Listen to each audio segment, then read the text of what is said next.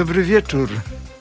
Nazywam się Jerzy Nasierowski. Jak w każdy poniedziałek, oby jak najdłużej z mojej strony, mógł, mógłbym, moglibyśmy funkcjonować dla Państwa.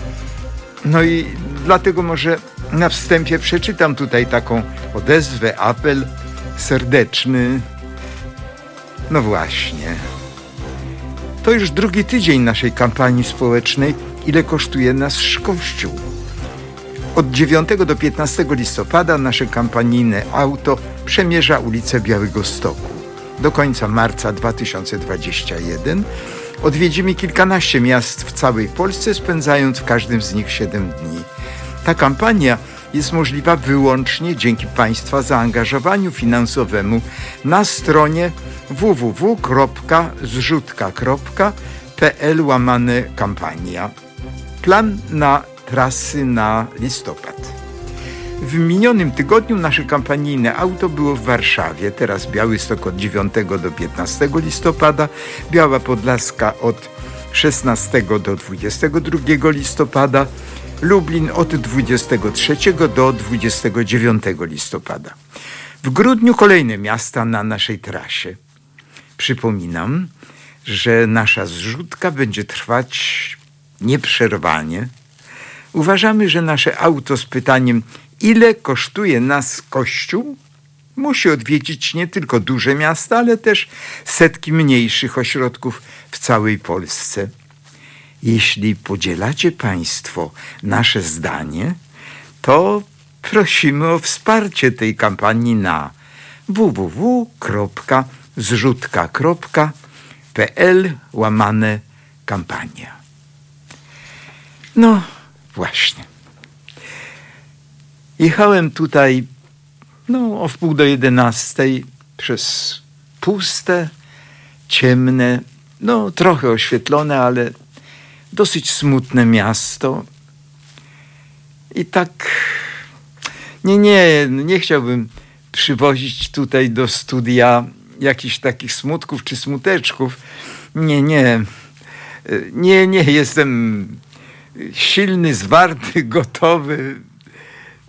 Zresztą cieszmy się, no cieszmy się, jeszcze ciągle cieszmy się mm, z naszego Joe Bidena.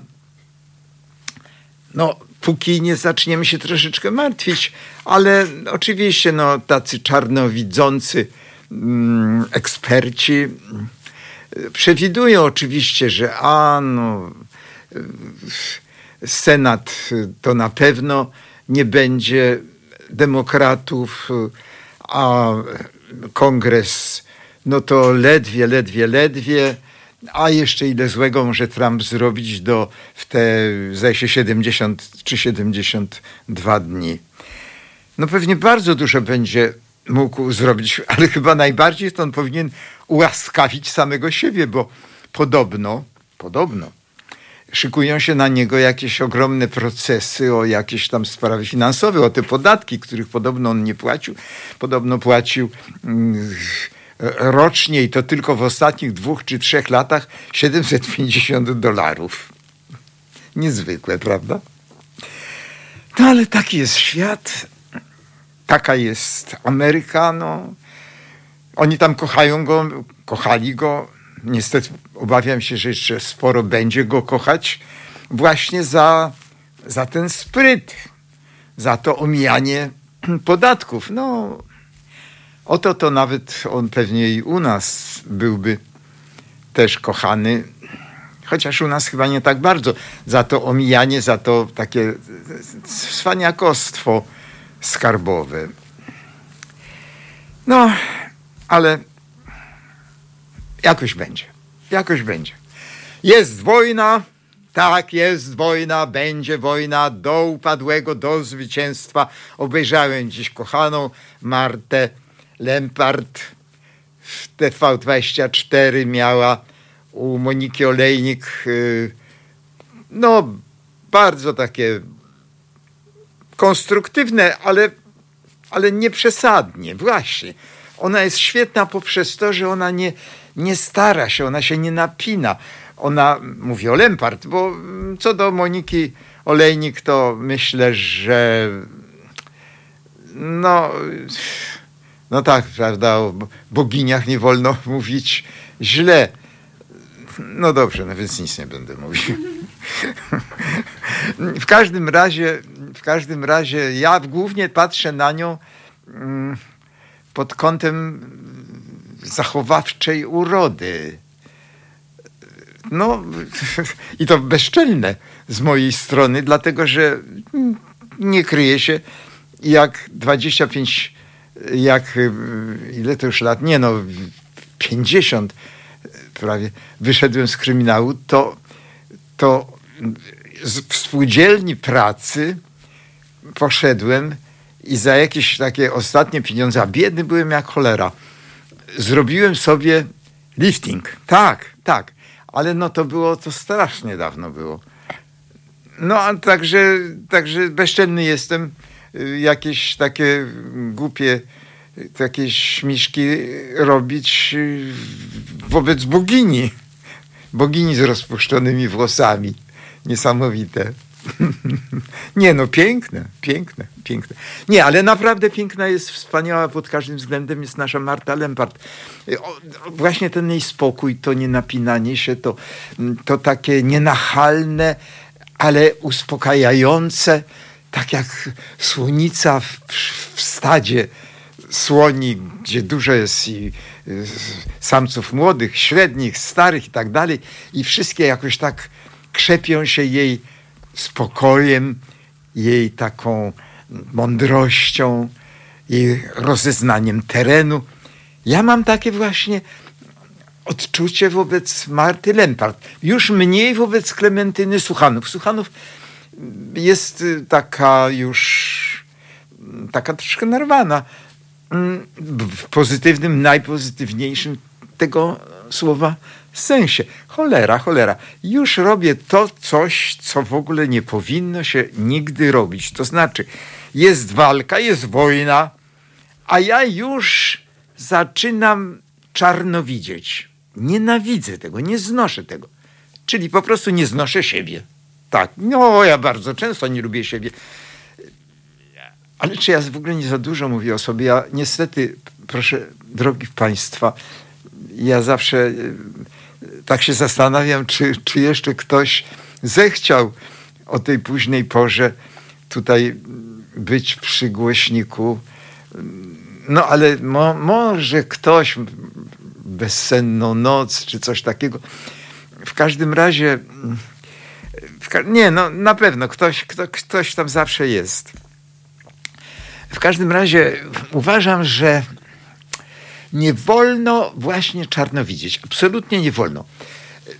To jest, nawet jeżeli wiadomo, ta słynna szklanka do połowy pusta, a od połowy nie, do połowy pełna, a od połowy pusta, to przecież można tą pełną się zachwycić. Po co o pustce mówić, biadolić, narzekać? Ja co ja mówię? Co ja mówię? Przecież ja programowo nigdy nie narzekam. Nigdy w najtrudniejszych sytuacjach życiowych, a miałem ich wiele. No dobrze. O czym tutaj dumać na tym warszawskim bruku? Hmm. O, jak smutno mi było. Jechałem przez to miasto i bałem się. Bałem się pustki, nie bałbym się tłumów. Troszeczkę się martwię. To nie jest czarnowidzenie, to jest takie takie, takie mm, przewidywanie.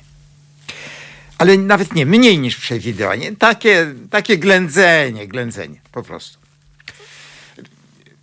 Nawet jeżeli, bo pustce mm, zacząłem, że tłumu się nie boję. Niestety ja ostatnio nie mogłem na paru ostatnich tych manifestacjach, pochodach, marszach, spacerach nie byłem, dlatego że choroba coś mi trochę zgardłem. To znaczy nie, nie to, nie to, naprawdę nie to. Y, jakaś taka chrypka, no stare gardło. Nawet wziąłem przed chwilą taką pastylkę i nie wiem, czy, czy, czy ona, ale taka konfekcyjna, jakaś taka, taka jakaś dla, dla śpiewaków, śpiewaczek. nie wiem, śpiewaczki mają swoje metody. Pamiętam Ada Sari, y, która wykładała w szkole aktorskiej, ale y, w mojej szkole aktorskiej w Warszawie na Miodowej, a najpierw, najpierw y, pierwsze dwa lata studiowałem w Krakowie, a następne dwa lata przeniosłem się do Warszawy, to tam była taka śpiewaczka, no ale to były przecież tak zamieszły czasy, że nawet, nawet wnukowie państwa, którzy są przy mikrofonie, tego nie mogą pamiętać. Nazywała się pani Bieńkowska, ale w Warszawie była, była bardzo znana śpiewaczka, nazywała się, nie pamiętam imienia, Mokrzycka. Była bardzo piękna. Była też śpiewaczką i chyba też aktorką we Włoszech. Miała tą cudowną, taką nieskazitelnie, niezniszczalną urodę takich klasycznych rysów. W ogóle ja, no tak już tyle razy mówiłem, że nie muszę się powtarzać, że ja uwielbiam kobiety i nie lubię samców. Wbrew e, nie pozorom, tylko faktom, prawda? No nie lubię, nie lubię. No i samce będę powtarzał do znudzenia, a powtarzam już dziesiątki, setki razy. Samce są źródłem wszystkiego zła na tej ziemi. Zła dla ludzkości, zła dla zwierząt, roślin, wód, powietrza, nieba, ziemi. Tak, tak, naprawdę tak. I obawiam się, że nie ma na to rady. Ja sobie tak z panem Bakłaszcem tu parę słów zamieniłem, kiedy on zakończył swój, swoją turę o kościele. Niesłychanie ciekawe rzeczy mówi. I właśnie ja tak powiedziałem. Mówiliśmy o Janie Pawle II. Dzisiaj był, szedł, emisję miał ten film o kardynale Dziwiszu tej, tym ulubieńcu, zupełnie tego nie rozumiem, albo nie, lepiej, żebym nie, nie rozumiał, ulubieńcu Jana Pawła II.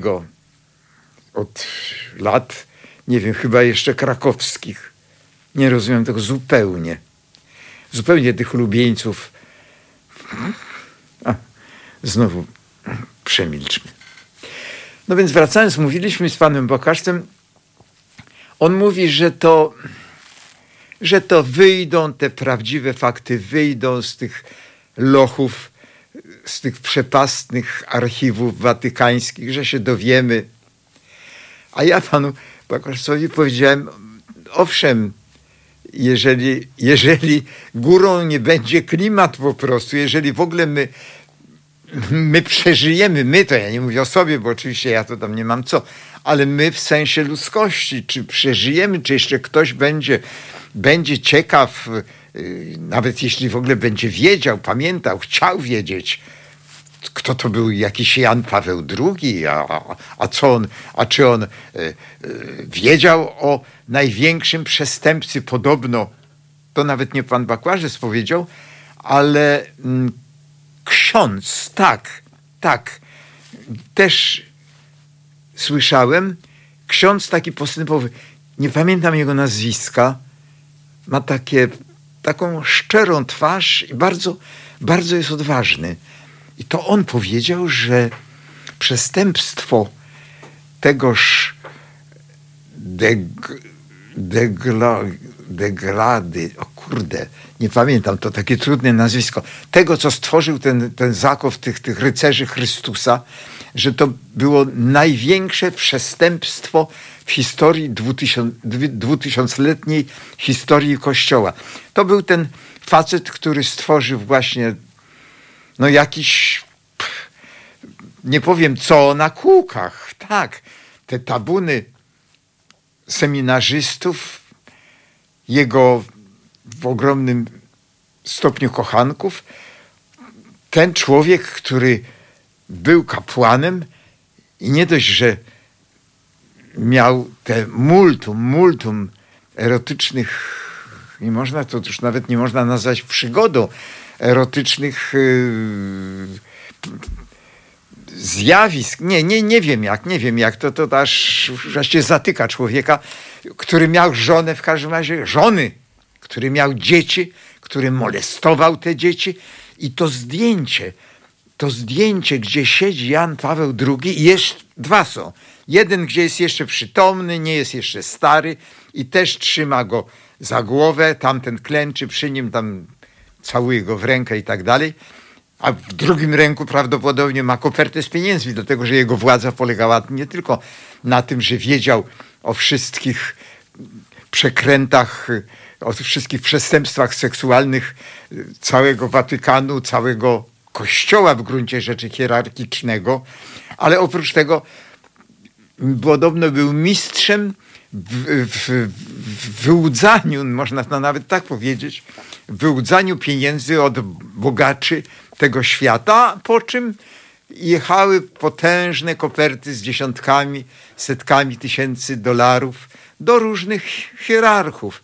Właśnie, właśnie e, dzisiaj wysłuchałem takiej ciekawej rzeczy, że kardynał Dziwisz otóż wydał jakieś tam, nie wiem w jakim okresie, nieważne, jakieś przyjęcie, jakiś ogromny bankiet w jakimś najelegantszym lokalu w Watykanie na kilkaset osób. I właśnie podoba, padało to pytanie, a skąd biedny kapłan ubogiego kościoła wziął pieniądze na zapłacenie rachunku za ten bankiet? No, odpowiedź nie padła, ale ja ośmielę się właśnie tutaj skojarzyć to z tymi podobno pękatymi kopertami, które właśnie De, Delago, De, Lago, nie, Jasiu, ty nie pamiętasz, jak, jak się nazywał ten, ten twórca tego zakonu Chrystusa? Delgado, jakoś tak. Nie mam pamięci do takich skomplikowanych nazwisk, ale mam doskonałą pamięć do, do tego, co wysłuchałem na jego temat dzisiaj. Jest nieprawdopodobne. A przy raz jeszcze do drugiego, amerykańskiego, który zresztą został wylany, został pozbawiony pierwszy raz w historii Kościoła, został kardynał na jakimś niezwykle eksponowanym stanowisku w, w jakiejś tam kurii, czy nawet ponad kuriami, w nadkurii. Został pozbawiony y, kardynalskiego kapelusza, tych bucików czerwonych, no bo nasz, nasz Gulbinowicz to tylko, tylko nie będzie leżał w katedrze, prawda? Ale kardynałem na razie ciągle jest. No bardzo ciekawy jestem, co. A propos balania. A, jest. Marcial Maciel de Gollado. No nie jest łatwo to spamiętać. Dziękuję ci, Asiu. Skąd ma to masz? Internet. A, a, no prawda, no tak, bo ty jesteś tam. Tak. Marcial Maciel de, Go, de Gollado. Zapamiętajcie to państwo. Ale w skrócie, jakby w skrócie go nazwać? Maciel. Maciel, chyba tak, chyba nazwijmy go Macielem. Jest ten sprytny Maciel, który yy, obracał milionami, milionami dolarów. Okazuje się, że w Krakowie jest taka, yy, no taka filia tego, tego zakonu, tych, tych, dzisiaj jest, pokazywali tam wejście i to y, ufundował to nie, oni sami ufundowali, to oni mas, masę mają pieniędzy, ale pokazywali tylko na ufundowane rzeczy przez Dziwisza. Ach, ten Dziwisz, Jezu Chryste.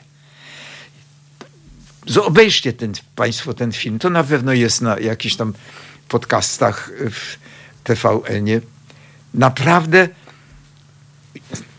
ja się właśnie nawet chętnie, gdyby ktoś tak zadzwonił i gdybyśmy się razem zastanowili, skąd się bierze taka ślepa wiara w takich ludzi, którzy są najmniej tego godni. Przecież o tym, o tym Marcialu, Marcialu de Gollado to było bardzo wcześnie wiadomo. Nie tylko jakimś takim e, hierarchą kościelnym, ale także to było w prasie światowej. I, i, i co? I, i, wierni dlaczego? No tak. Ale dlaczego, no, przekładając na świeckie sprawy, dlaczego tyle osób głosowało na naszego prezydenta Dudę? Już pomijając Trumpa. Dlaczego?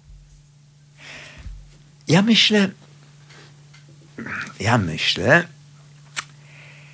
że Kościół, który właściwie niestety nie chyli się ku zagładzie, dlatego że właśnie on się nie chyli tam, dlatego że jest ta ślepa, niesamowita, niezrozumiała wiara tych owieczek w jego wielkość, świętość, nieskazitelność.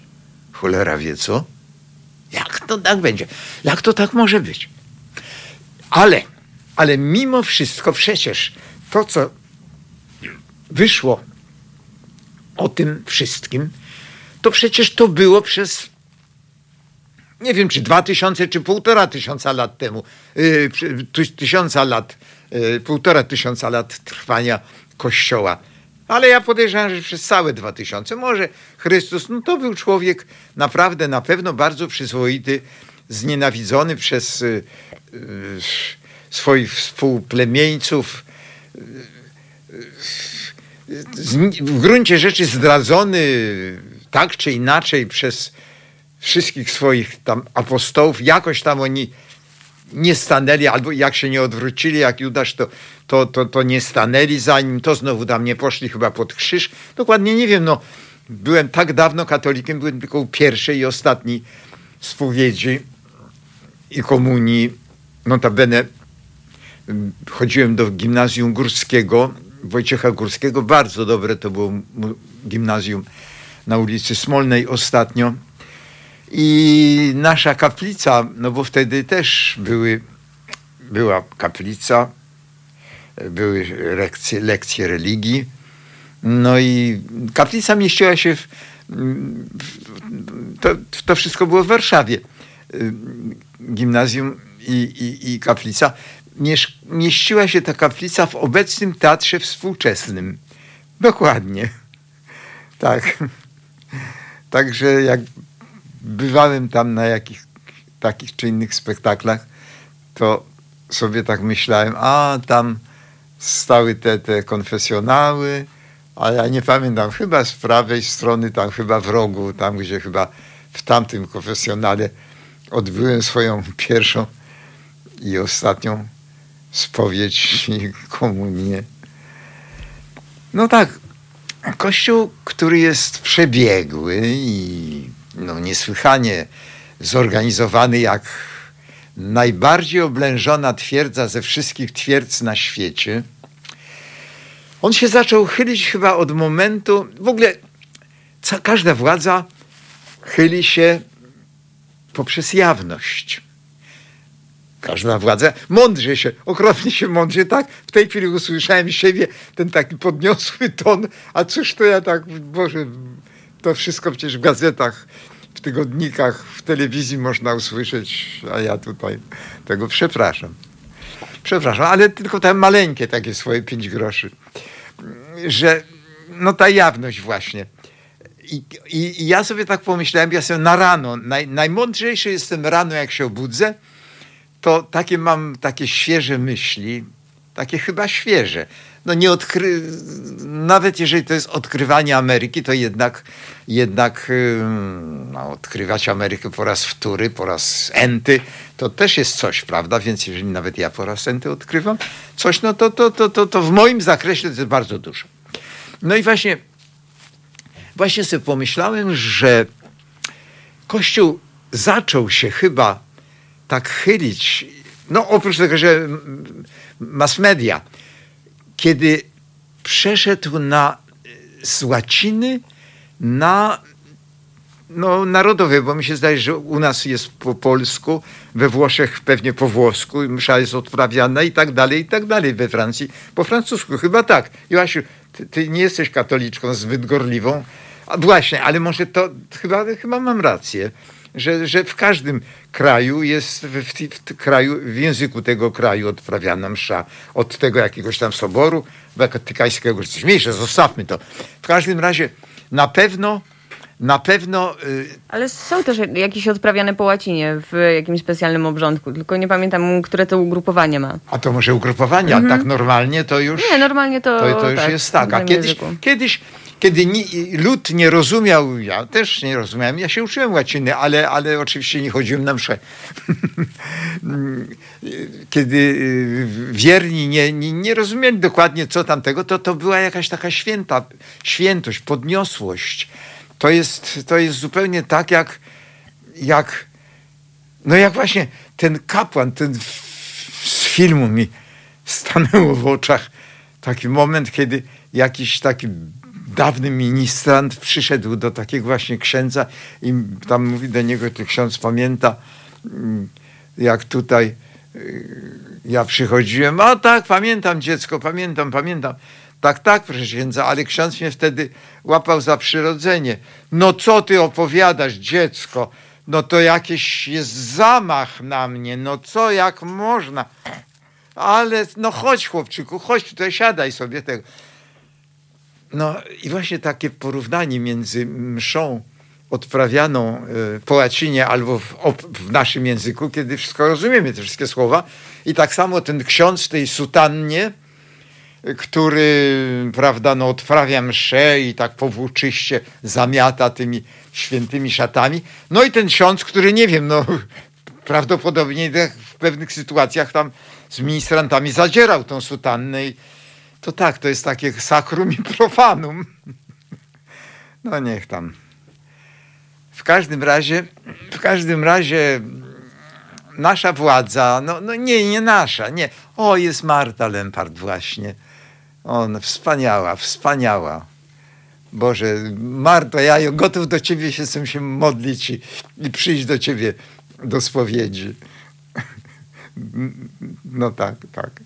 O, zaraz będzie pół godziny. No dobrze.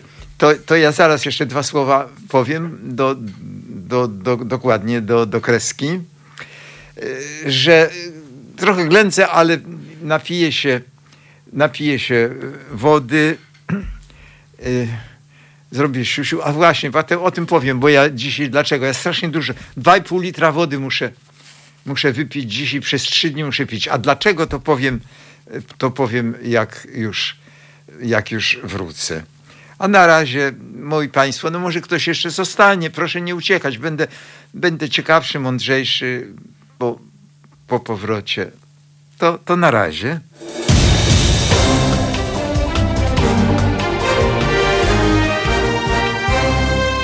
Halo Radio. No jestem Jerzy Nasierowski solo, ale będę jeszcze, yy, będę jeszcze w piątek, w piątek od 23 do y, nie, nie, od, 20, od 21 do 23, tak, od 21 do 23, to pierwszy raz w tym te, w terminie. Także też zapraszam. I w ogóle, jeżeli już także siebie mogę trochę zareklamować, ale to też dla, dla, dla dobra radia, bo może, może tam Państwo też zechcą się jakoś tak włączyć w, w, w wielbicieli Haloradia. To, to ja jeszcze funkcjonuję na, na YouTubie. Tam już jest 270, a może 80, a coś koło tego, takich filmików różnych Zresztą tam także jest, y, y, są odcinki takie gadane tutaj przeze mnie. Także na to wszystko bardzo serdecznie zapraszam. No i niezmiennie na, na zrzutkę. O, ale tak jak mówiłem panem Bakłaszcem, że kto wie, czy jakieś takie nasze ziemskie, ludzkie, międzyludzkie sfary. Nie rozsądzi po prostu okrutny klimat, tsunami, tajfuny, powodzie, potopy i tak dalej, i właśnie w związku z tym, bo coś miałem trochę mądrzej, trochę ciekawiej teraz mówić, w każdym razie mi się wydaje, że pożytecznie coś powiem, bo, bo to jest taka dziwna sprawa, że człowiek no, chce coś, coś zrobić dla drugich. Mm, znaczy, mądrzy, bardzo mądrzy ludzie, filozofowie, o mój ulubiony, pan Jan Hartman, powiedzieliby, że człowiek wszystko, absolutnie wszystko robi tylko i wyłącznie dla siebie. A dopiero pośrednio dla. Nasza władza na pewno wszystko robi dla siebie i właściwie nic dla narodu nie robi. Ona robi tylko to, co, co wszystko to, żeby władzy nie stracić, albo żeby jeszcze większą władzę zyskać. I to właściwie jest cała filozofia tej władzy naszej. Może każdej, ale chyba nie, nie w tym takim aż stopniu, co, co tej naszej. Chyba nie.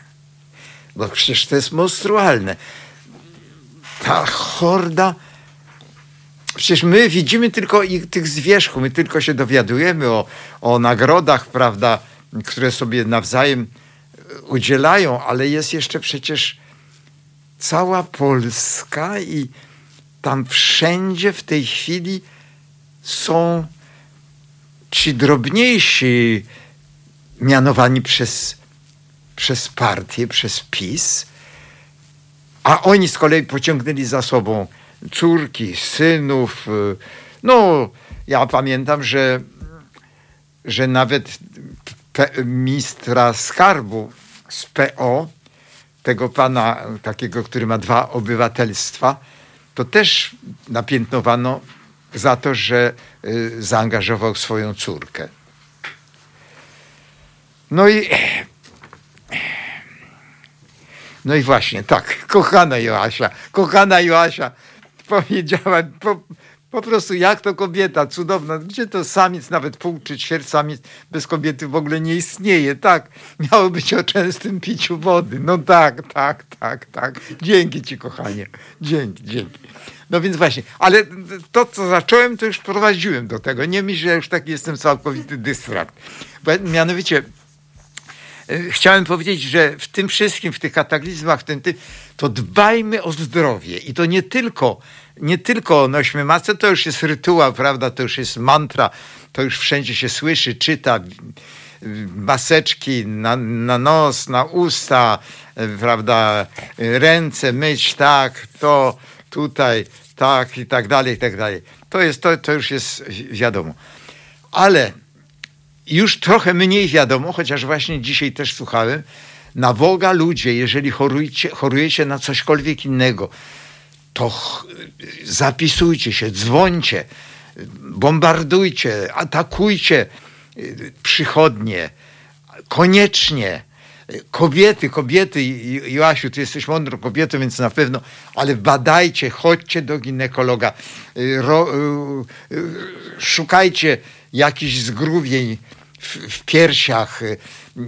I w ogóle, w ogóle myślcie o sobie, nie tylko o tym, żeby dom utrzymać, y, utrzymać, żeby ogarnąć, żeby samca pokierować, żeby dziećmi jakoś, jakoś też pokierować. Nie, dbajcie o siebie, kobiety, bo bez was to wszystko upadnie, po prostu kompletnie wszystko. No, samce, tak między nami mówiąc, to, to mogło ich być trochę mniej. A jest ich więcej, zdaje się nie wiem, jak ma być wojna, to podobno natura dziwnie jakoś tak, ale do, do wody wrócę, do wody wrócę. jak ma być wojna, to podobno rodzi się więcej chłopczyków niż dziewczynek. Nie wiem, jakim to cudem się dzieje, ale się dzieje. Ale miało być o częstym piciu wody. Mianowicie, ja dbam o zdrowie bardzo. Po prostu mm, to jest taka, mm, takie pośrednie, jedno z drugiego wypływa. Mianowicie, Oczywiście jestem egoistą, oczywiście e, wszystko, co robię, to też robię w jakiś sposób, w jakiś sposób tam dla siebie, ale bardzo chciałbym i zawsze chciałem i chcę coś też robić dla, dla innych. I, i to, to, to moje bycie tutaj w Halo Radio to strasznie, strasznie mnie ucieszyło i ogromnie, ogromnie mnie to podbudowuje. I podbudowuje także do tego, żeby być zdrowym, bo właściwie to człowiek, człowiek powinien robić coś dla innych, nawet jeśli to pośrednio jest dla siebie, ale no mądrze, mądrze, prawda?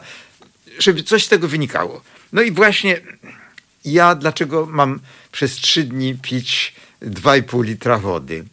Dlatego, że tak, różne rzeczy badam, tak jak coś mi tam, jakieś organa mm, wydają się, że może coś tam jest nie tak, no to po prostu sprawdzam, sprawdzam.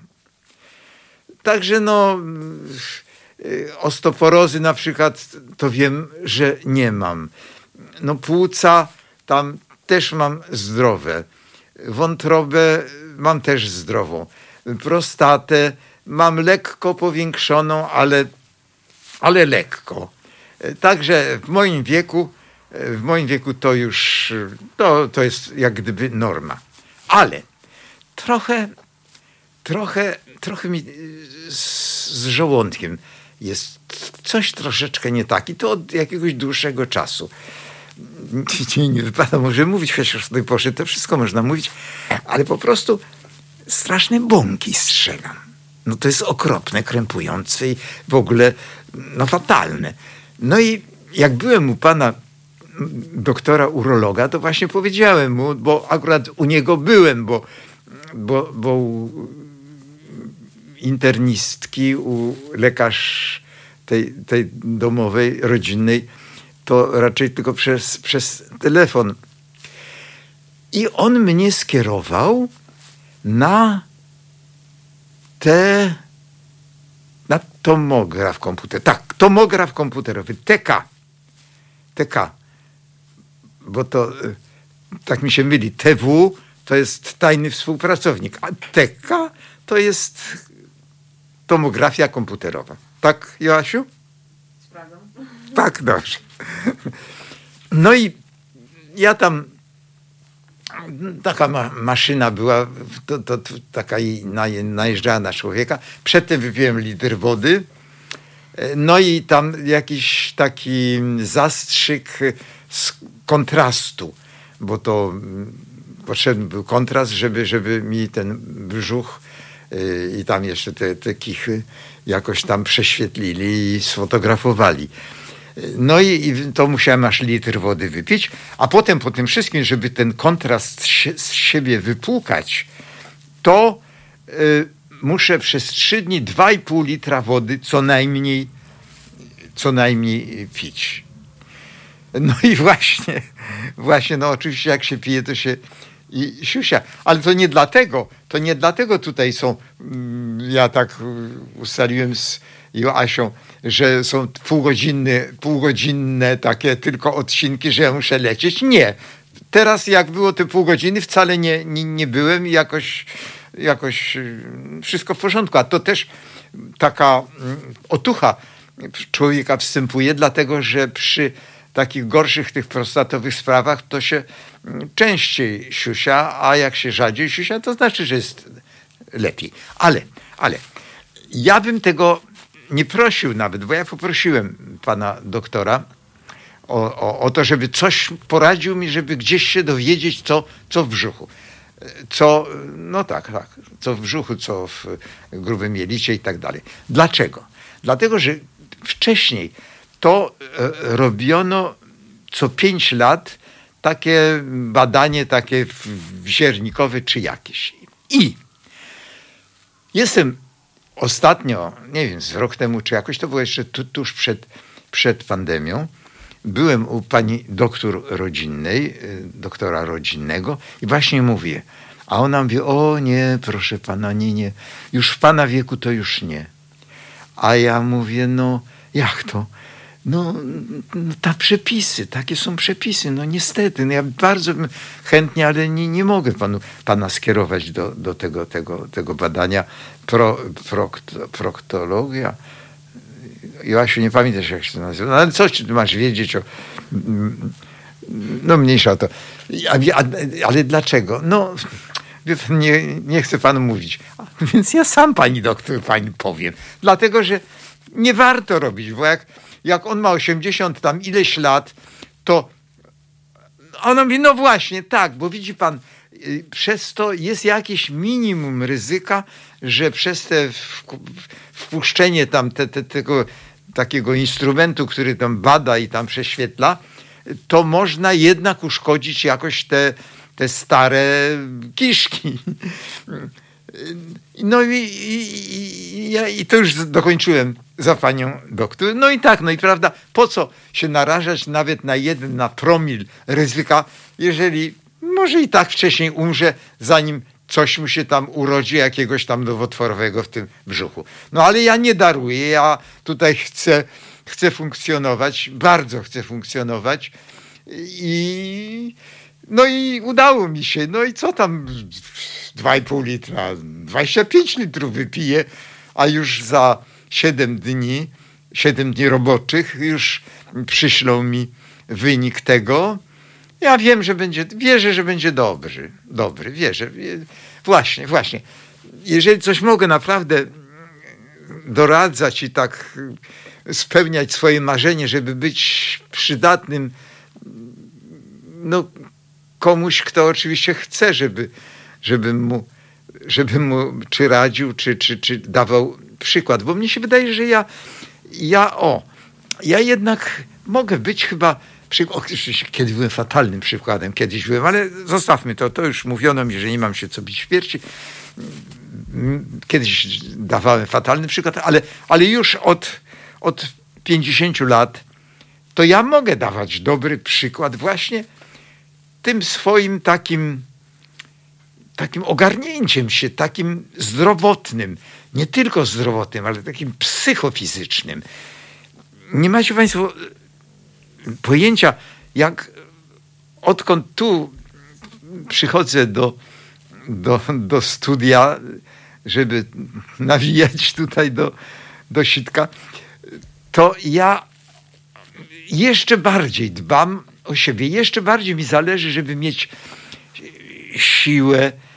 No bo z tymi siłami tam w takim dalszym biegu życia to jest trochę rozmaicie. Ale, ale, ale można nimi tak um, kierować, można, można, można je dawkować sobie. dlatego przypuśćmy, w ogóle faceci, tacy 100-200% faceci, to oni nie ustąpią, oni aż po zawał. On będzie zmęczony. Nie, piąta, dziesiąta kawał, ale może i kielicha. Nie, ja nie ustąpię. Ja czy, czy w boju, czy w łożu, czy w banku, czy gdziekolwiek. Nie, on będzie walczył. No ja na szczęście nie jestem takim stuprocentowym samcem i właśnie to jako ten przykład chcę się zaprezentować że siły, jak jest im jest ich mniej, to jak jest pieniędzmi. Po prostu gospodarowanie budżetem. Budżetem sił fizycznych też można odpocząć, odpocząć przy jakimś takim organizm sam się dopomni. Do, do, dopomni, tak? Tak się po polsku mówi, o Jezu, ja pisarza tego, no bywa, bywa. Więc sam się przypomni, o że jest zmęczony i wtedy należy mu po prostu dać tą ulgę. To wystarczy 15 minut, to wystarczy w ciągu dnia przesłać się, że łatwo emerytowi y, to mówić. No, niekoniecznie. Czasu jest, każdy ma dużo więcej niż mu się wydaje. Ale trochę wytrwałości i trochę, o właśnie, właśnie opowiem taką jedną sztuczkę taką, taką prościutką sztuczkę, która zresztą chyba od niepamiętnych czasów, nie wiem, mamy dzieciom mówiły, czy babcie wnuczkom, czy i tak dalej, i tak dalej. Zrób teraz, co masz zrobić potem. Naprawdę. Ja to stosuję z bólem, bo człowiekowi się nie chce. Na przykład jak rano się obudzę, bo ja już kiedyś wtedy mówiłem, ale bardzo nieudolnie mówiłem o moich gimnastykach na mojej antresoli, takich, y, gdzie mam ile, półtora metra do sufitu, ale dzięki temu na przykład mogę e, stopą oprzeć się o sufit, plecami zaprzeć się o, e, o deski, bo ja śpię na, na twardym bardzo, bo to kręgosłup jednak i sprawdza mi się to. I po prostu rozkrok, to rozkrok, to jest rozkrok taki, taki odwrotny, po prostu rozciąganie się nóg. nóg tak, kiedyś robiłem szpagat, bo ćwiczyłem gimnastykę przyrządową, w szkole baletowej trochę byłem, ale a, ciekawe, szkoła baletowa wydała mi się za mało męska i, i zrezygnowałem z tego. Zabawne. Także y, kiedyś już tu próbowałem, nie wyszło mi to, ale to naprawdę ja dużo wiem, dużo wiem o, y, o obchodzeniu się ze swoim starym ciałem, ale to tyczy każdego ciała. I jeszcze coś pocieszającego powiem. Nie jest tak, że jak człowiek się zapuścił fizycznie, gimnastycznie, to już przepadło koniec. Nie. Otóż cudowność ludzkiego organizmu, czy zwierzęcego organizmu, bo jesteśmy zwierzakami w końcu, polega na tym, że jednak ta, to jest, on przywraca, on przywraca sprawność, no i te właśnie te siły. A, a propos tego, zrób teraz, co masz zrobić zaraz, to nawet z ranną gimnastyką, bo ja, każdy mógłby, tylko może za którymś następnym razem, właściwie chyba na jakimś filmiku na moim YouTubie, ja mm, po prostu będę robił to, co chciałbym przekazać y, do, do, do, do, do praktycznych ćwiczeń państwu, komukolwiek, kto by chciał oczywiście. I, I to wtedy będzie jakoś czytelniej. Ale tylko ograniczę się do tego, że zrób teraz, co masz zrobić później. Ja rano tak mi się strasznie obudzę się, tak strasznie mi się nie chce. Tak bym poleżał sobie. Piesek jest, bo ja mieszkam w nie swoim mieszkaniu z nie swoim pieskiem, którego wyprowadzam za darmo. Za darmo. To już kiedyś też mówiłem, stary dowcip, suchar, jak to, jak to mówią, że tak myślałem jeszcze przed pandemią, żeby dorabiać, bo krucho ze mnie, u mnie z finansami, e, żeby dorabiać wypra- wyprowadzaniem psów. Od razu mi się przypomniał e, e, dzielny, dzielny wojak Szwejk, który, który nie tylko nie tyle wyprowadzał psy, ile kradł psy z jakimś swoim kumplem, a potem ogłaszali się i, i, i potem brali nagrodę za odnalezienie jakiegoś tam pieska. No ale wracając do tych gimnastyk, ta, tak mi się strasznie rano nie chce. Ale mówię, nie, musisz, musisz. I po prostu wystarczy tylko pierwszy, pierwsze ćwiczenie gimnastyczne zrobić. Tylko po prostu, no nie wiem, kręcić nogą jedną i drugą. I ten taki, to jest właśnie konserwatyzm. Na tym polega konserwatyzm. Jakoś ten organizm się wdraża. Jest ciągle jeszcze to lenistwo, tak czeka. A tu już ten, ten, ten, ten, ten nawyk taki, ten drill sprawia, że idzie i następne ćwiczenie i potem już idzie i potem już te około 45 minut ćwiczę i, i no i, i, jestem sprawny i mam siły przychodzić tutaj, wleźć na to trzecie piętro. Kiedyś, kiedyś na, na krzywym kole, krzywy koło 80 tam mieszkałem do kryminału na tych moich wielopoziomowym tym mieszkaniu, no to tam było piąte piętro. Nie, no już dzisiaj bym nie mógł chyba. E nie, mógłbym, mógłbym. Po prostu mógłbym. Dlatego, że po prostu sobie bym przypomniał, że schody to nie jest nic takiego złego. Schody to jest ćwiczenie na uda, na mięśnie tyłka, łydek. Tak, tak, tak. Moja ciotka y, z y, Krakowa, ależ ja mieszam te tematy. Moja ciotka z Krakowa twierdziła, że mój wujek, mój wujek był dalekim moim krewnym, ale, a ona była żoną wujka, czyli nie była w ogóle moją krewną. On był rektorem Uniwersytetu Jagiellońskiego. Mieszkali na, na ulicy na Kleparzu. Na, na Kleparzu. Kurczę, ciotka mi w, w, przed kryminałem chciała zapisać ten dom, a ja nie chciałem. Jak ja żałuję. Jak ja żałuję. Boże, jak ja byłem głupi. Ale w PRL-u własność, jakaś kamienica jakaś, to, to było upiorne. To było tylko same kłopoty. No tak. Ale oni mieszkali na pierwszym piętrze i ona uważała, tam były niewygodne schody, piękne schody były takie kręcone, że one poprzez to, że kręcone były na pierwsze piętro, że przez to wujek y, Franciszek Walter, y, rektor Franciszek, że prze, przez to umarł. Oho, zaraz musimy kończyć, bo hymn będzie. No właśnie, no nie... Nie, znaczy nie kończyć, kończyć, y, kończyć tą turę. No to wrócimy do, do, do Franciszka Waltera. O, opowiem może o nim trochę i o gimnastyce. No to, to na razie, no hymn jak hymn, prawda? No trzeba. No to dobrze, no to, no to jeszcze... Halo Radio. Okno, tak? Czekaj, ja zamknę. Czy ty? Już. Już? No. Już, już, jesteśmy, już. Tylko Jasia zamknie okno, bo wietrzymy. No więc y, na czym to ja skończyłem? Aha, skończyłem na w wuju Franciszku Walterze. Właśnie, może coś opowiem takiego, takiego weselszego, no bo, no bo w tym napięciu takim żyjemy, a, a czy Trump wysadził Amerykę, a czy, a czy, a czy Morawiecki Polskę, a, a Kaczyński przede wszystkim, czy, czy, czy podpali najpierw. Więc może tak trochę się dla ulgi. No właśnie.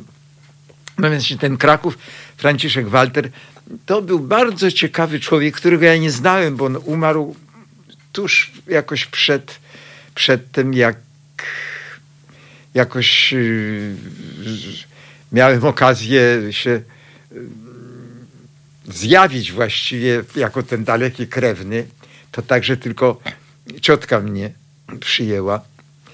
Ja byłem wtedy studentem w szkole aktorskiej, w Państwowej Wyższej Szkole Aktorskiej w Krakowie na ulicy Bohaterów Stalingradu. Najpierw na ulicy Szpitalnej, potem Bohaterów Stalingradu. No a Franciszek Walter, dlaczego mówię, że to była ciekawa bardzo ciekawa postać. No był oczywiście kolekcjonerem dzieł sztuki, ja trochę tak po nim to stosowałem przed, przed, przed kryminałem. Nic tam nie było w mojej kolekcji kradzionego, nic a nic. Wszystko było uczciwie kupione. No i ale on, on był wenerologiem. On był wenerologiem i on no chyba zrobił, potem był naukowcem, wykładał, no był przecież rektorem.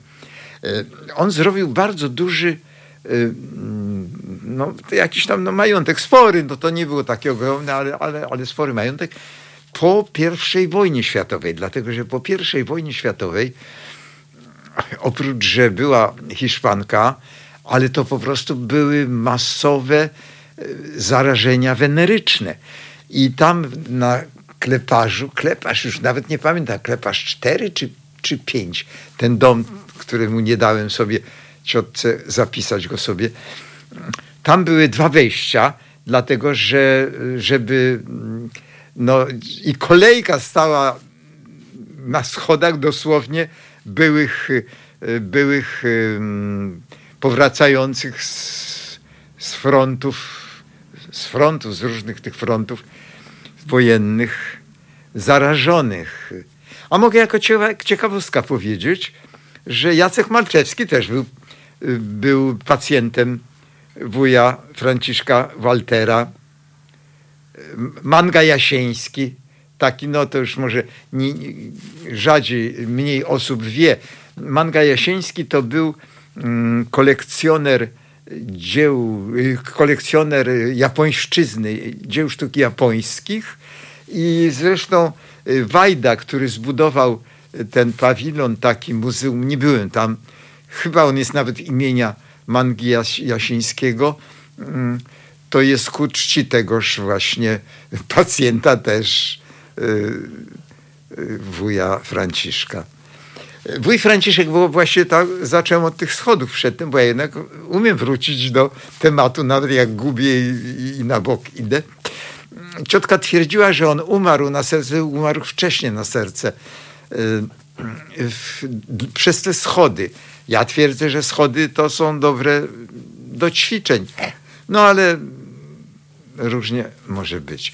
Ale ja myślę, że wujek umarł, umarł chyba, on był chyba rozpustnikiem, dlatego że no, miał słynne e, ero, zbiory erotików. To była cała w dawnym jego gabinecie, e, w tym mieszka z tego mieszkania na Kleparzu zostało tam tylko dwa pokoje, bo to było ogromne mieszkanie, ale oczywiście zostało w czasie PRL-u do, do kwaterowania, a na potem już lokatorzy, których już nie można było, ciotka nie mogła usunąć. Zresztą sama była, dwa pokoje starczyło, zachowała sobie gabinet dawny y, wuja Franciszka z osobnym wejściem, gdzie tam było jedno wejście, gdzie stali y, zarażeni panowie, a wyjście było y, drugie, żeby jakoś tak się nie, nie, nie, nie krępowali, prawda, wzajemnie. No i to, to były słynne zbiory erotyków. Bardzo słynne. Tak słynne, była taka, mm, taki bedeker, jak gdyby kolekcjonerów y, polskich, chwalewika. Redagował to niejaki chwalewik. No i tam między innymi figurowały te zbiory. To były ryciny, książki, rzeźby, no na przykład y, no, pornografię, no tak szczerze mówiąc, no to artystyczne pornografie. Także Manczewskiego. Także Manczewskiego. Zresztą jeżeli mówimy o takich konikach, to tak brzmi troszkę przewrotnie, konikach y, y, znanych malarzy, to już współczesny nam Franek, Franciszek Starowiejski, mój kolega zresztą, no, którego okradłem, ale, ale, ale to nie chodziło o zysk, tylko chodziło, no to osobno, ja kiedyś mówiłem, bo to z Basią Witek, ona um, chciała się zemścić na Ewie, myślała że Basia, że Ewa y, uwiodła y, Konrada Swinarskiego, tego reżysera. No i właśnie chcieliśmy ukraść paszport Ewie, żeby ukarać ją, żeby ona nie mogła wyjechać y, do chyba wtedy do Wiesbaden, nie pamiętam gdzieś, gdzie robiła scenografię, bo była scenografką. No w każdym razie i te, te, te zbiory erotyków, wróćmy do tego, były tak słynne, że kiedy Niemcy zajęli Kraków, kiedy Niemcy zajęli Kraków, to y, pewnego dnia zapukał jakiś oficer i bardzo grzecznie zapytał, czy, czy zastał rektora, rektora Waltera. Y, no, ciotka wtedy otworzyła, zapytała w jakiej sprawie. No, znała niemiecki, bo to jednak Kraków, to, to, to Austria, to, to CK, cesarstwo. Y, no więc i on mówi, że no, chciałem właśnie obejrzeć, słyszałem o wspaniałych zbiorach y, pana rektora. Mundurowany, normalny, taki w cholewach, no prawie że ze szpicrutą, tylko elegancki. No, to pr proszę przyjść tam jutro, bo będzie. I oczywiście natychmiast wujek z ciotką, oczywiście przy pomocy innych, wywieźli to, całe te zbiory tych erotyków. Gdzie? Do zakonnic. tak, no bo, no bo jednak Kraków, który jest właściwie połowa Krakowa należy do kościoła albo do zakonów, no to jest taki zamknięty. Jakoś jeszcze tam hitlerowcy też się jakoś trochę jednak tam tak trochę jakby liczyli. No i ale, ale ja te zbiory w nocy, jak ja przyjeżdżałem do ciotki, ciotka uważała, że mnie by to zgorszyło, więc nie chciałem im pokazać, ale ponieważ ja spałem w, w, w gabinecie, dawnym gabinecie wuja, a ona w dawnej kuchni przerobionej na, na pokój obok, więc ja w nocy, jak ciotka spała, to ja wstawałem, otwierałem tą szafę, no i co nieco tam sobie oglądałem, a potem za którymś z przyjazdów, to ja przyjechałem z aparatem fotograficznym i w nocy trochę tego pofotografowałem. I nawet jak wydałem taką książkę o takim okropnym tytule, ale podobno to był tytuł no taki bombowy i że ta książka miała duże powodzenie. No, wyszła na Sierowski ty pedale, ty Żydzie. To był tytuł tej książki. I tam nawet włączyłem tę część tych erotyków, y, fotografii, niestety tylko małą i najmor, naj, najmniejszą i najmarniejszą część, dlatego że jak służba bezpieczeństwa grasowała w moich, y, w moich zbiorach, w tych moich salonach tak zwanych y, na krzywym kole, to oni sobie pozabierali to wszystko. No ale trochę jeszcze ocalało i trochę jeszcze trochę jeszcze yy, tych rycin na okładkach zresztą, bo to taka była trylogia. Na Sierowski ty pedal ty Żydzie, na Sierowski ty antychryście i na Sierowski ty trzy kropki.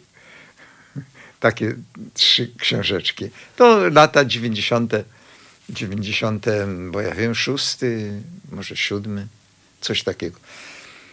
Ale ja jeszcze wydam, wydam jeszcze jakieś książki na pewno, bo chociaż tutaj w audycjach zachwalam i szczerze i z przekonaniem rzeczy młodych autorów, no to stary autor czasami też się przydaje. Ja uważam, że moje, tak jak ja chcę tutaj swoimi takimi radami lub swoim przykładem, tylko tym już powięziennym przykładem, e, dobrym przykładem, najlepszym przykładem uważam, no bo to i gimnastyka, i, i zdrowie, i dobre odżywianie się, i to wszystko chce służyć komuś no, z jakąś tam przyjemnością dla siebie, ale i naprawdę z wielką, szczerą przyjemnością, żeby to się przydało jeszcze komuś więcej.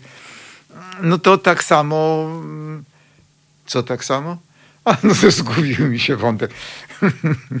no to tak samo chcę. Mm, no nie wiem co, nie wiem co. Tak się zamyśliłem nad tymi zbiorami tych erotyków. To były niezwykłe zupełnie rzeczy. Młodopolskie rysunki na przykład. To coś no nieprawdopodobnego zupełnie. Tak aż się zamyśliłem. No właśnie. I co ciotka już nie żyje. I do mnie kiedy pewnego dnia, to już było ładnych, takich nieładnych parę lat temu, ale no z 5 czy 10 lat temu, zadzwonił jakiś adwokat i zapytał, czy ja wiem, może jeszcze, jeszcze ciotka zdążyła mi powiedzieć, do, do jakich zakoni, bo znowu, znowu okazało się, nie wiem, to już myślę, że to inaczej było. Te zakonnice, które kiedyś miały te erotyki przed, chronione przed hitlerowcami, podejrzewam, że zgłosiły się do ciotki, że one, przypuśćmy, znowu teraz władza ludowa, rzeczywiście władza ludowa chciała jej zabrać, to pamięta. Stanisław Witold Walicki, dyrektor, y, jeden z dyrektorów takich w Ministerstwie Kultury i Sztuki, przyjeżdżał do ciotki, że niby chcieli obejrzeć tam i tak dalej, i tak dalej, ale być może, że chcieli jej to zabrać, bo to były dzieła sztuki. To były nieprawdopodobne dzieła sztuki. I prawdopodobnie ona w, w strachu, już nie przed hitlerowcami, ale przed, przed ministerem, Ministerstwem Sprawiedliwości, Ministerstwem Kultury i Sztuki, co ja mówię, y, oddała to gdzieś, schowała to i jej bo ona miała jeszcze kuzynów takich. No ja, ja nie zgodziłem się, żeby mi zapisała tą kamienicę. To, były, to była tylko jednopiętrowa kamienica, ale przy samym kleparzu y, i przy plantach. Także ona to pewnie y, dała gdzieś do jakichś zakonnic, no i ci y, spadkobiercy, ci tacy dalsi, po prostu chcieli to odzyskać. No ale oczywiście zakonnice pewnie dalej jeszcze dzisiaj to śliniąc kartki różnych takich, prawda, rycin i, i, i książki i, i oglądając rzeźby się tam zadawalają, a, a spadkobiercy obeszli się smakiem. I nie wiadomo, co się stało, nie wiadomo. Gdzieś to w jakimś zakonie krakowskim jest i no, ja jestem za zakonnicami akurat. Ja nie lubię księży, chociaż wiem, że są uczciwi księża. Jak to? Jakich cyganów już nie ma? No księży już prawie nie ma. Takich porządnych. Ale nie, ci szarzy księża są. Ale na pewno zakonnice to są ciężko pracujące kobiety, wyzyskiwane przez tych nierobów. Boże, te pałace, biskupie, to wszystko. Hie, hie, hie. Pozabierać. Marta, Marta Lempart, nie, dosyć, tak, to jest wojna, to jest wojna i to jest, to jest odbieranie własności narodowej tym, im, tym z pałacu. Myślę, że Marta da się, da się. Ale y, Klementyna Suchanów to jeszcze prędzej, bo Marta jednak jest państwowcem, a Klementyna Sucharów jest anarchistką. Ja też chyba trochę jestem anarchistą. Trochę, trochę państwowcem, trochę anarchistą. Ale czym bardziej to nie wiem. No okaże się, jak pójdziemy, jak pójdziemy odzyskiwać, odzyskiwać dobro i dawać nie to Caritasowi. Caritasowi daje państwo. To nie jest żadne jakieś takie straszne dobro. 20 miliardów. O, gdzie? 14, 20 miliardów złotych rocznych koś, koszt kościoła. I w tym się mieszczą te, te dobroczynne akcje kościelne też. I całe utrzymanie kościoła. Odbierzemy Marta, prawda? Nie. Odbierzemy Klementyna. Marta, dobrze, dobrze, ty zajmiesz się państwowością, a my z Klementyną. No, to o czym jeszcze? Nie, bo ktoś miał być dzisiaj, ktoś miał być i tak się zawirowało, że, że, że nie ma. Ale w piątek będzie, w piątek będzie Rafał Dajbor, i, który napisał książkę, no, nie, nie pierwszą, o jak to u Barei, o aktorach drugiego planu y, z filmów i y, tych odcinków y, serialowych Barei, Stanisława Barei. No i przy okazji w ogóle o, o tej epoce. Biedny Stasie, znałem Stasia, znałem, Staś, znałem Stasia, jak jeszcze Stasio był asystentem reżysera przy filmie. Ja byłem studentem na, po pierwszym roku on był, nie wiem, pewnie nie po pierwszym, nie wiem, po drugim czy po trzecim. On tam dwa lata chyba był ode mnie starszy. Y, po drugim czy trzecim roku filmówki. To był film Godziny Nadziei reżyserii y, Rybkowskiego. Zygmunt Rybkowski? Nie pamiętam. Rybkowskiego, reżysera Rybkowskiego. No, będziemy sobie gadać z Rafałem Dajborem, którego zresztą osobiście nie znam, to znaczy nigdy nie, nie witaliśmy się, rozmawialiśmy przez telefon tylko, bo on dzwonił do mnie, on napisał poprzednią książkę o, o aktorkach, y, kilku aktorkach takich, które przetrwały, jak to się mówi, w masowej wyobraźni. No oczywiście Kalina Jędrusik, nieśmiertelna Kalina, no, którą też bardzo dobrze znałem, grywałem z nią w telewizji, w teatrze nie graliśmy nigdy razem. No, Hanna Skarżanka, no, kilka takich innych i pytał właśnie, no nie tylko mnie, różne osoby pytał, tylko że pytanie mnie o jakieś takie osoby, no to te wszystkie już pomierały, to nie jest takie dobre, dlatego że ja, ja tak laurkowo nie umiem raczej takie mi się no, przypominają, zapadają mi, zapadły mi w pamięć no takie ciekawsze no, momenty. No. no Boże, no. Kalina, no Kalina, ta seks bomba, no był fajny kumpel, no taki kumpel z wojska, no najlepszy, najlepszy kolega z wojska, jak gdyby, no to ten, ten rodzaj takiego kumplostwa. Hanna Skarżanka, no też nie wiem, czy Hannę Skarżankę jeszcze ktoś pamięta. Nie, to wszystko jest fatalne. Znowu umierają ci następni moi znajomi, koledzy. No a ja ich wspominam tak, nie tak jak się przyjęte to jest w Polsce, tak laurkowo, słodko, tak na, na, na klęczkach, na, no nie wiem, no nie umiem inaczej, nie umiem. Ja uważam, że jak ktoś umarł, to dopiero trzeba. Ja bym chciał, ja bym chciał, żeby o mnie mówiono jak, naj, jak najszczerzej, czyli jak najgorzej, to znaczy jak słusznie najgorzej. Z tym, że o mnie to nie jest łatwo powiedzieć źle, dlatego że w różnych swoich książkach tak źle jak ja o sobie piszę, jak siebie oceniam, sprawiedliwie zresztą, to chyba nie ktoś postronny nie wymyśli. Tak, ja brutalnie oceniam siebie. I, I, to z tego, z tego właśnie jestem bardzo dumny. Z tego, z tego jednego na pewno. Czyli tak podsumowując, bo już jeszcze tam pół godziny nam zostanie, ale te słynne podsumowanie takie PRL-owskie. Y, podsumowując to, to to co? Joanna. Ojej. Nie, nie jestem zmęczony. Nie jestem zmęczony, bo programowo jestem silny, wygimnastykowany i sprawny, no i pożyteczny. Tak, tak. Programowo. W ogóle wszystko programowo trzeba robić.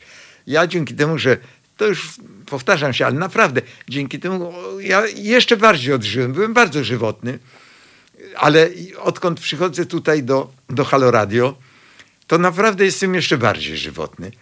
I no, to jest ten cel taki.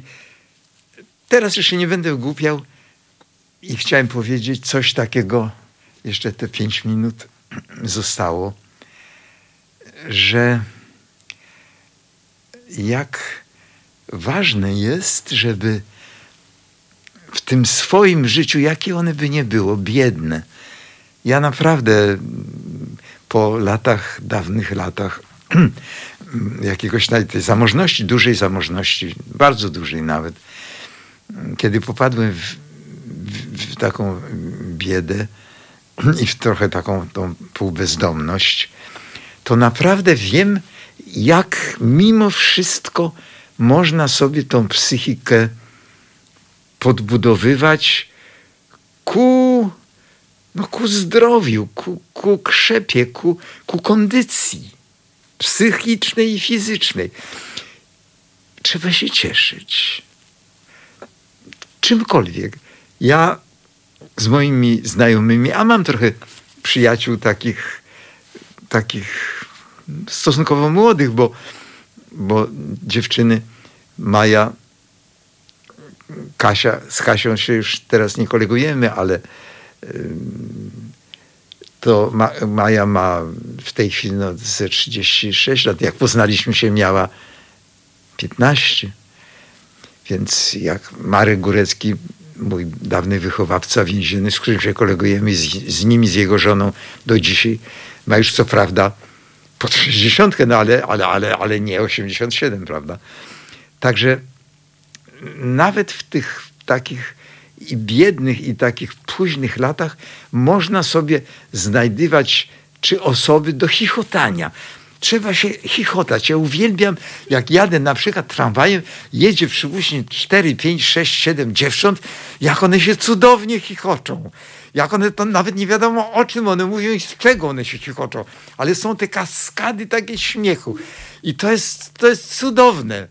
To jest cudowne. Zresztą chłopacy takim trochę basami, czy, czy jakimiś tymi mes, nie, nie menstruacjami, jak to się nazywa? No to co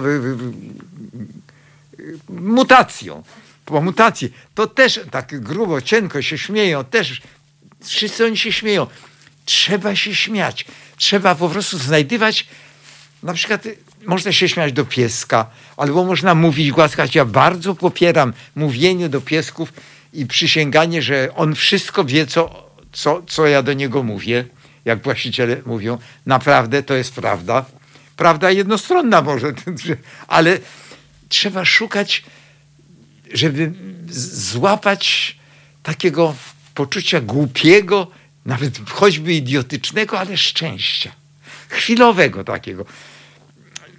To nawet jak się, ja kiedyś byłem dziki i w ogóle nie, nie lubiłem mówić dzień dobry jakimś znajomym, sąsiadom, coś tego nie, nie lubię. A dzisiaj poczułem, że nawet mówienie miłe, dzień dobry jakimś sąsiadom, to już w nas jakieś te, te, te, te endorfiny, to tak się nazywa Joasiu, endorfiny?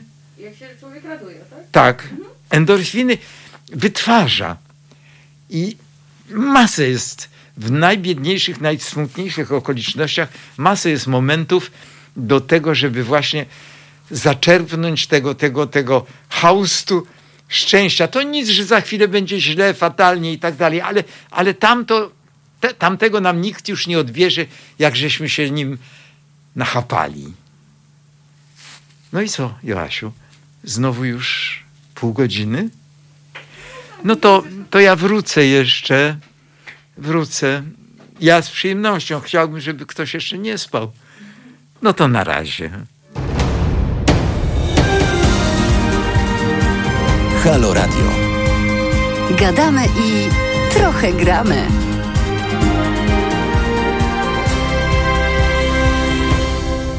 No jestem. Właściwie jesteśmy. Joasia i ja, Jerzy Nasierowski. Joasia zrobiła cześć. Joasia bardzo zmęczona dzisiaj. A właśnie, panie Karolu, czy, czy panie Karelu Smetano, y, tutaj przeczytam, bo jak gapowaty jestem, przepraszam i tutaj, tutaj jakoś tak nie, nie patrzyłem na, na, na, na, do laptopa. Pan pyta, co z Adą Sari. No tak, to, to wielka, wielka, największa chyba śpiewaczka światowa z polskich. Y, ona podobno rzeczywiście wykładała już u schyłku, y, uczyła śpiewu także w szkole aktorskiej, ale ja, ja jeszcze ją widziałem na scenie. I to jest niezapomniany dla mnie spektakl. Śpiewała Rozynę w Cyruliku Sewilskim Rossiniego. To było w Krakowie. I ona oczywiście, no to tylko mm, jacyś koneserzy i, i historycy muzyczni chyba mm, pamiętają i, i, i, zdają sobie sprawę, jak gigantyczną karierę Adasari e, robiła na świecie, karierę sopranu koloraturowego. No i właśnie ja byłem z mamą, moją mama moja mnie tak obwoziła od, od pierwszych y, miesięcy wyzwolenia po, po jakichś teatrach, nawet nie tylko warszawskich oczywiście, ale i, i poza, no bo cała okupacja była taka czcza kulturalnie. No i byliśmy na tym Cyruliku Sewilskim, to, był, to było w Teatrze y, Słowackiego, ta opera się mieściła. Y, a Dasari już, bo ja wiem, pewnie już może jaka 60-letnia, wtedy już występowała w roli pięknej, młodziutkiej Rozyny. Miała taką, tam jest taka słynna kawatina Rozyny, Rozyny e, taka, no i, i, i ona w tej swojej koloraturze strzeliła kiksa. Po prostu załamał jej się głos. Ale nie przejęła się, przestała. Orkiestra dała znak orkiestrze, orkiestra przestała grać. Powiedziała, przepraszam państwa, ale mi nie wyszło. I zdała znowu znak orkiestrze. Orkiestra zaczęła grać od tego momentu tą kawatinę Rossiny i dalej wyśpiewała piękną koloraturą do końca bez żadnego kiksu. Uważam, że to było bardzo takie w dzisiejszym stylu. Mi się to szalenie podoba. Tak samo jak no to taki, taki no dzisiaj teatr jest taki, który pokazuje jednocześnie swoje własne kulisy i no, no w ogóle fajnie było. Ja aha, ale to, to może jak z, z Rafałem Dajborem w piątek będziemy między, między, między godziną 21 a 23 pozwolę sobie przypomnieć się, będziemy rozmawiać, to może i wtedy więcej o aktorach powiemy. A ja, a ja, a ja wrócę może do, tak poprzez wuja Franciszka Waltera, który oprócz tego jeszcze był niewierzący i był tak dalece niewierzący, że jak umarł, chociaż był rektorem y, Uniwersytetu Jagiellońskiego i pogrzeb był uroczysty przez, przez Stary Kraków szedł pochód, to kardynał Sapiecha temu niedowiarkowi odmówił towarzyszenia i tylko szedł jakiś biskup, nie wiem jakiś który, a Sapiecha, to był prawie na pewno Sapiecha, który był wtedy no takim no, czołowym um, hierarchą kościelnym, odmówił. Odmówił. To pewnie za te erotyki też. Haha. No ale za erotyki, które wylądowały u zakonnic, a oni już dawno na pewno przehandlowały na zachód. No bo to, to, to tam się tak... Przecież w Warszawie jak są te ogrody takie u stóp mm, tej takiej no skarpy wysokiej, y, takie dawne ogrody, które tam, nie wiem, jeszcze jakaś Anna Jagiellońka zdaje się im ofiarowała i one tam chciały wybudować trzy wieżowce. Tak, po prostu trzy wieżowce. No, pazerność tego naszego katolickiego kościoła jest monstrualna, po prostu monstrualna. Ja, ja jestem lewicowy, ale właśnie wcześniej mówiłem, że jestem dumny z tego, że, że jestem, potrafię być krytyczny w stosunku do siebie. Naprawdę potrafię. Już nie mówię o dawnych swoich przestępstwach, to, ale, ale nawet y, po prostu, kiedy mam taki mechanizm we mnie się wytworzył, podobno niezbyt częsty, że kiedy mm, wypada, no wypada, chce się, no kusi po prostu skrytykować, ba, zmieszać z błotem kogoś, o coś tam, wszystko jedno o co, to ja pierwsze, jeżeli przypuśćmy, jeżeli ktoś jest, no jaki to dać przykład? No nie wiem, no nie dam przykładu na razie. Coś chcę skrytykować, skrajnie skrytykować kogoś, to natychmiast błyska mi taka, takie coś, a ja w tej samej materii kiedyś, kiedykolwiek, czy byłem rzeczywiście taki święty. I szanowni, kochani Państwo, o tej nocnej godzinie, godzinie szczerości, to chcę powiedzieć, że można, można, można właśnie tak kontrować swoje krytyczne brutalne, nawet krytyczne e, osądy bliźnich, wspomnieniem w siebie w identycznej okoliczności. Oczywiście ja to mam większe pole do popisu, jeżeli chodzi o swoje grzechy, błędy, wypaczenia itd., tak itd., tak ale myślę, że każdy jakoś w przybliżeniu znajdzie i wtedy nie będzie z takim zapałem tak tak powiedziałbym nawet mściwie krytykował ludzi, którzy są tylko ludźmi przecież. Od razu mi się przypomniał Kaczyński. Kurde, to jest numer. Ja nie mogę pojąć. Ja nie mogę pojąć, jeżeli to nie jest no, dolegliwości, dolegliwości psychiczne, to co to jest? Ja go pamiętam.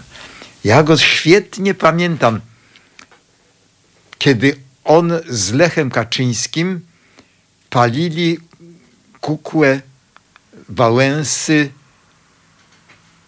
mm, pod Belwederem. Tak, to było chyba pod Belwederem. Ja byłem trochę spóźniony.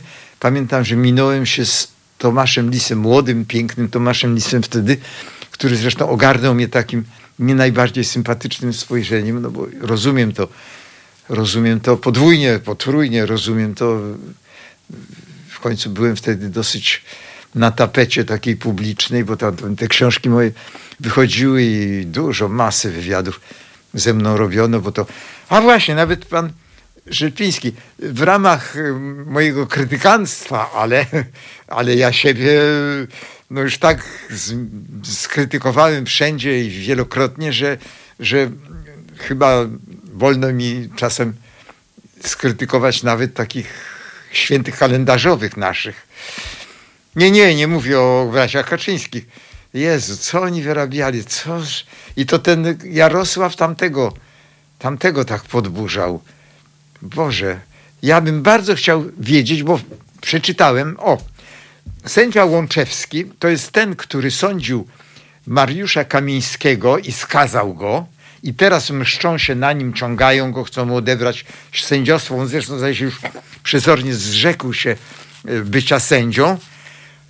Był wywiad z nim, gdzie on powiedział, że przez jakąś omyłkę zostały włączone do jakichś akt sądowych tyczących tegoż Mariusza Kamińskiego, a tą sprawę właśnie prowadził ten sędzia Łączewski, aż, aż się zakrzyczałem, bo to tak ważne. Zostały włączone stenogramy rozmowy braci Kaczyńskich na tym, nie wiem, kilkanaście czy ileś minut. Zachłysnąłem się. Tej ostatniej rozmowy w Tupolewie, że jednak jest. I on, przypuszczam, dlatego ten, ten fakt podał do tego wywiadu prasowego. To chyba było w gazecie wyborczej albo, albo w gazecie prawnej, nie pamiętam. Żeby jak gdyby chyba przestrzec. Bo oni, jego i kilku jeszcze kilkoro innych sędziów, kilkanaścioro, może kilkadziesięcioro już w tej chwili, przecież Ziobro ściga. Ziobro ściga za, za swojego tatę, że rzekomo lekarze e,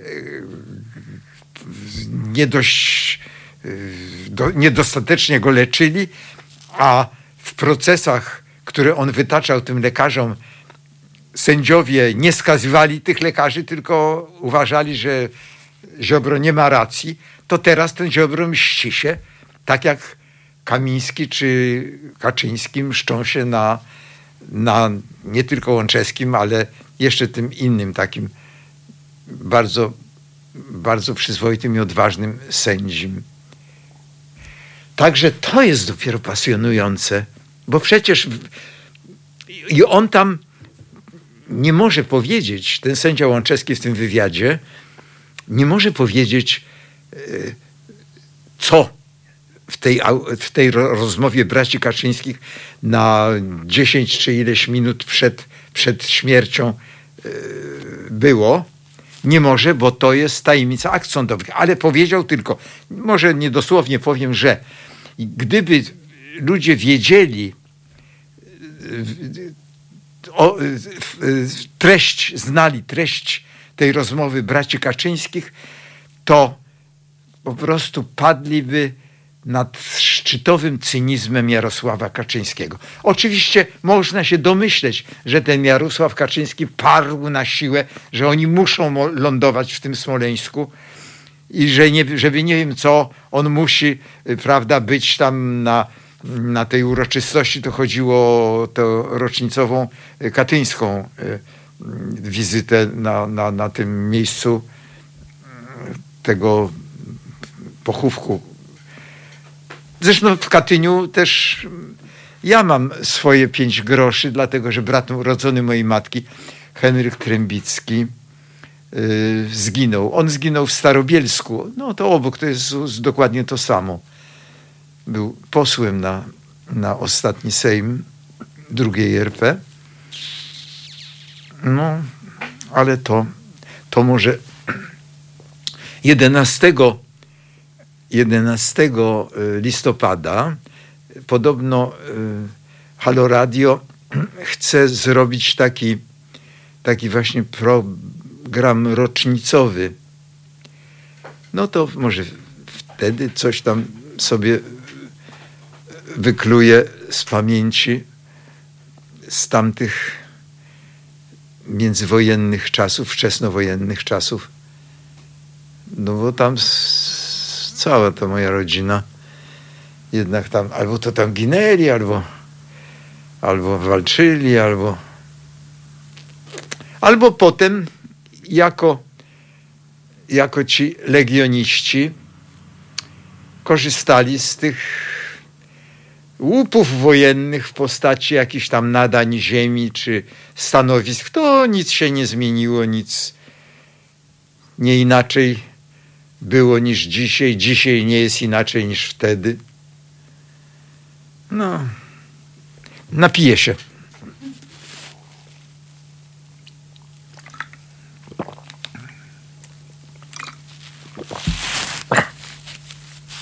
No i jakoś chrypy nie, nie dostałem. Bałem się.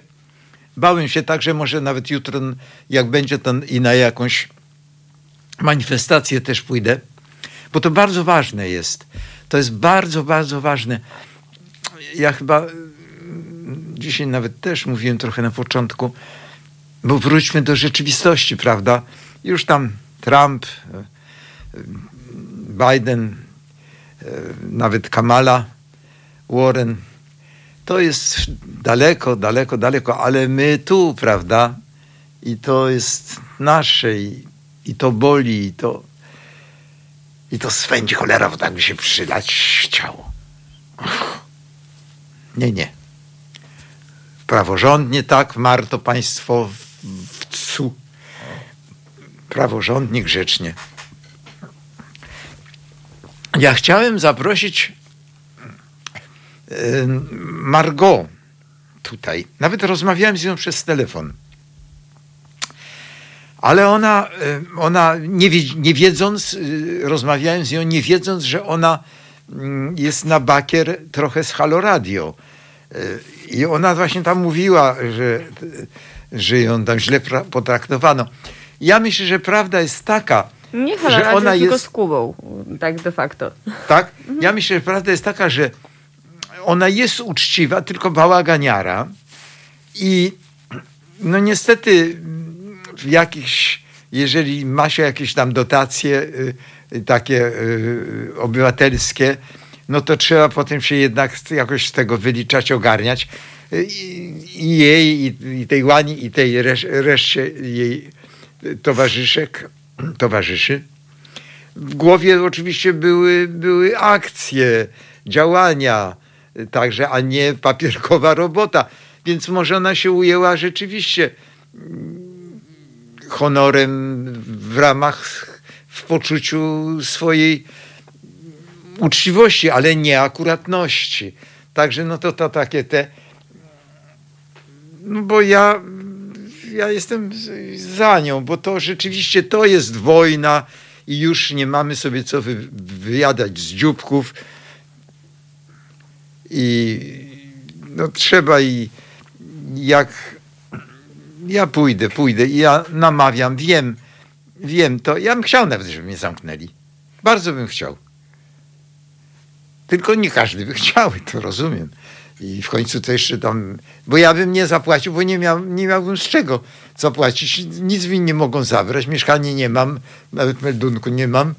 To co mi mogą zrobić? Emeryturę mam najniższą, no to z takiej emerytury podobno nic nie można zabrać.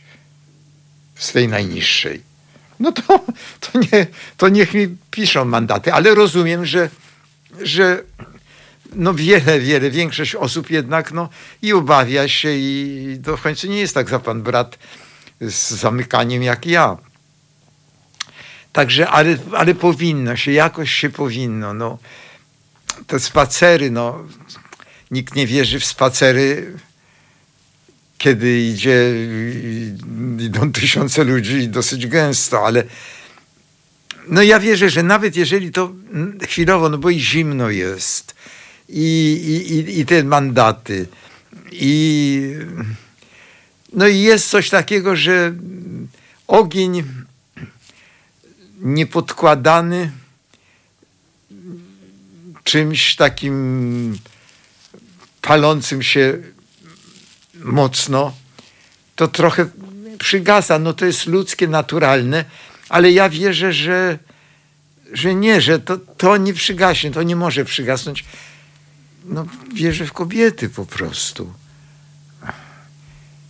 I bardzo, bardzo, no, bardzo się denerwuję i, i bardzo, bardzo proszę, nie wiem, no, jeżeli ktoś jeszcze jest z nami, może pan Smetana może jest, co? To niech pan, niech pan jakoś nawołuje, jakoś może organizuje nawet trochę, no. Ktokolwiek. Bo to ważne. To najważniejsze. Oczywiście najważniejszy jest i najważniejsza jest katastrofa klimatyczna, ale która by załatwiła wszystko. No ale to, to jest przed katastrofą naj, naj. Teraz będę wracał przez to zupełnie ciemne, bezludne miasto i będę sobie myślał, co jutro. Ciekawe, kompletnie nie myślę, rzadko w każdym razie myślę w związku z co dalej, co ze mną. Naprawdę nie. Jakoś dziwnie nie. Tylko co, co z nami. Bez czułości, bo ja jestem, ja jestem rzeczowy. Bardzo rzeczowy. No ale kiedy byłem młody, to nie miałem poczucia tej takiej więzi z, no, z kimś. A dzisiaj tak. Dzisiaj tak właśnie z tego można czerpać ten, ten haust szczęścia, który, który nam da taką odskocznię do, do, do jeszcze paru kroków, może do kilkudziesięciu naprzód, naprzód, trochę naprzód. Mnie się szczerze nie wydaje, że, że ja nie doczekam katastrofy klimatycznej. Wydaje mi się, że tak, że oczywiście to jest, to jest świadomość po, poczciwego idioty, no bo wiadomo, że to nawet za 10 lat, no to bo to ileś tam, chyba 8 albo tak na ten przechył zupełny ku zagładzie, tak ku nieodwracalnej zagładzie, to jest, zdaje się, zostało 8 czy 9 lat, jak naukowcy obliczyli. No ale jeszcze jest czas. Jeszcze się cieszmy. Cieszmy się tą wojną, bo tą wojną to można się cieszyć, wydaje mi się. No i no tak. Dziewczyny, bądźcie dla nas dobre na wiosnę, coś takiego był, było. Dziewczyny, właśnie dziewczyny, kobiety. Was naprawdę, tylko Was nadzieję. Nadzieja dla nas wszystkich lepsza. Bo nadzieja może być taka słaba, może być lepsza, może być gorsza. Ja nie chcę mówić o tej wielkiej, ale niech będzie tylko lepiej. No to co to, Joasiu, powiemy Państwu, jeśli jeszcze ktoś jest dobrej nocy, lepszej nocy, najlepszej w miarę możności. No to dobranoc. Dobranoc.